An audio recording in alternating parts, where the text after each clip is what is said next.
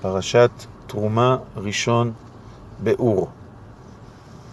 תחילת הפרשה, דבר אל בני ישראל ויקחו לי תרומה מאת כל איש אשר ידבנו ליבו תיקחו את תרומתי. קודם כל נשים את הדברים בתוך הקשר. השם מדבר אל משה, הוא מצווה אותו על תרומת המשכן ומיד אחר כך על בניין המשכן. היכן זה נעשה? אז לפני כן קראנו שמשה רבינו נכנס אל הענן בתוך ההר, אחרי שקרא לו השם לשם. ויאמר השם אל משה, עלה אלי ההרה והיה שמה ואתנה לך את לוחות האבן והתורה והמצווה אשר כתבתי להורותם. אמנם בהזמנה לא נאמר שהשם עתיד לצוות את משה רבנו על בניין המשכן. וכאן, באופן מפתיע, נאמר לוחות האבן תורה ומצווה, אבל לא משכן. השם פונה למשה ואומר לו, מצווה אותו על עניין המשכן, התרומה ואחר כך בניין המשכן וכל קהילה וכל מה שקשור בו. מדוע בניין המשכן בא עכשיו? מפני שאחרי שעם ישראל כרת ברית עם השם, ואחרי שראו מראות אלוקים, והם יודעים שאפשר להיות בקרבת אלוקים, בנוכחות שכינה. עכשיו השם אומר, אם תרצו, בנו לי משכן, ואהיה בתוככם, שכינה לא תישאר בהר סיני. ועשו לי מקדש ושכנתי בתוכם. וכיצד זה נעשה? המשכן צריך להיות נבנה מתרומת עם ישראל. ולזה יש משמעות כפולה. אחת, אנחנו, עם ישראל, בונים את הכלים כאן למטה, והקדוש ברוך הוא משרה שכינתו מלמעלה. כלומר, על ידי מעשה האדם והתכוונותו ורצונו, ועל ידי שימוש בחומרים מן העולם, יכול השם ורוצה השם, מצווה השם, שהוא ישרה את שכינתו. אנחנו מניחים את הכלים, והקדוש ברוך הוא ממלא את הכלי באור, באור השם. המובן השני, נדבת הלב של כל אדם מישראל, כל יחיד מישראל, וכל אחד מה שהוא יכול להביא ומה שהוא רוצה להביא. זה מביא זהב, זה מביא כסף, זה מביא נחושת, לפי עושרו ועוניו.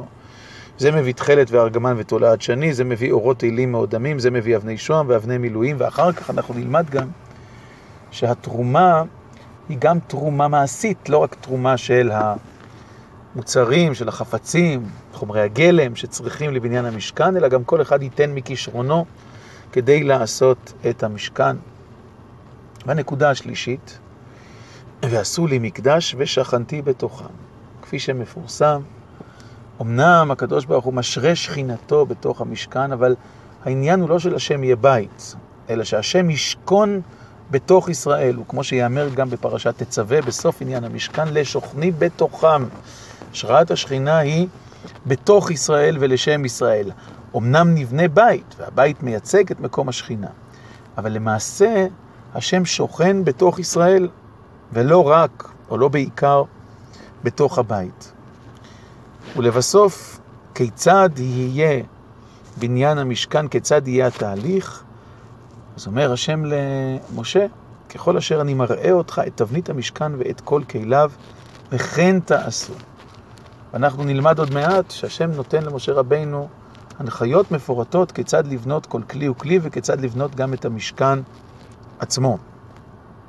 ואם כך, אז יש שתי דרכים בהם לומד משה כיצד לעשות את המשכן. אחד, הוא מקבל הוראות, עשו ארון עצי שיטים, 200 וחצי אורכו, 200 וחצי רוחבו, עשית אותו מעץ, תצפה אותו מזהב, מבית ומחוץ וכו' וכו'.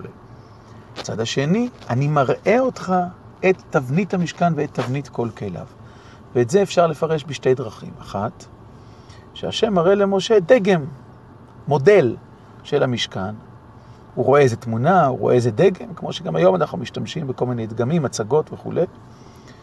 וכך משה רבנו יודע איך לבנות. אבל חז"ל הבינו אחרת, וכך גם עולה הרושם מן ההמשך, שככל אשר אני מראה אותך, אין הכוונה שמשה רבנו רואה איזה דגם של מנורה או ארון או משכן, אלא הכוונה היא שהשם פותח בפני משה רבנו היכלות של מעלה, היכלות דרקיע. והוא רואה מראות אלוקים, הוא רואה את השכינה, הוא רואה את מרכבת השם. ומה שאני מראה אותך למעלה, תעשה למטה כנגדו, היינו מה שייצג אותו. מבחינת מעשה אומנות שמנסה להתכוון לדימוי של מעלה, לרושם של מעלה, לתמונה עליונה, אותה רואה משה, ולמטה תעשו מעין זה. וכמאמר חז"ל במדרש, למעלה שרפים עומדים ממעלו, במראה המרכבה שרואה ישעיה פרק ו', ולמטה עצי שיטים עומדים כנגדם. למעלה כוכבים שברקיע, ולמטה אה, מנצנצים קרסי הזהב בין היריעות ככוכבים שברקיע. כלומר, מה שלמטה מייצג את מה שלמעלה בכלים אנושיים, בחומרי הגלם האנושיים, לפי עוצמת כוח המדמה של האדם המתכוון כלפי מעלה.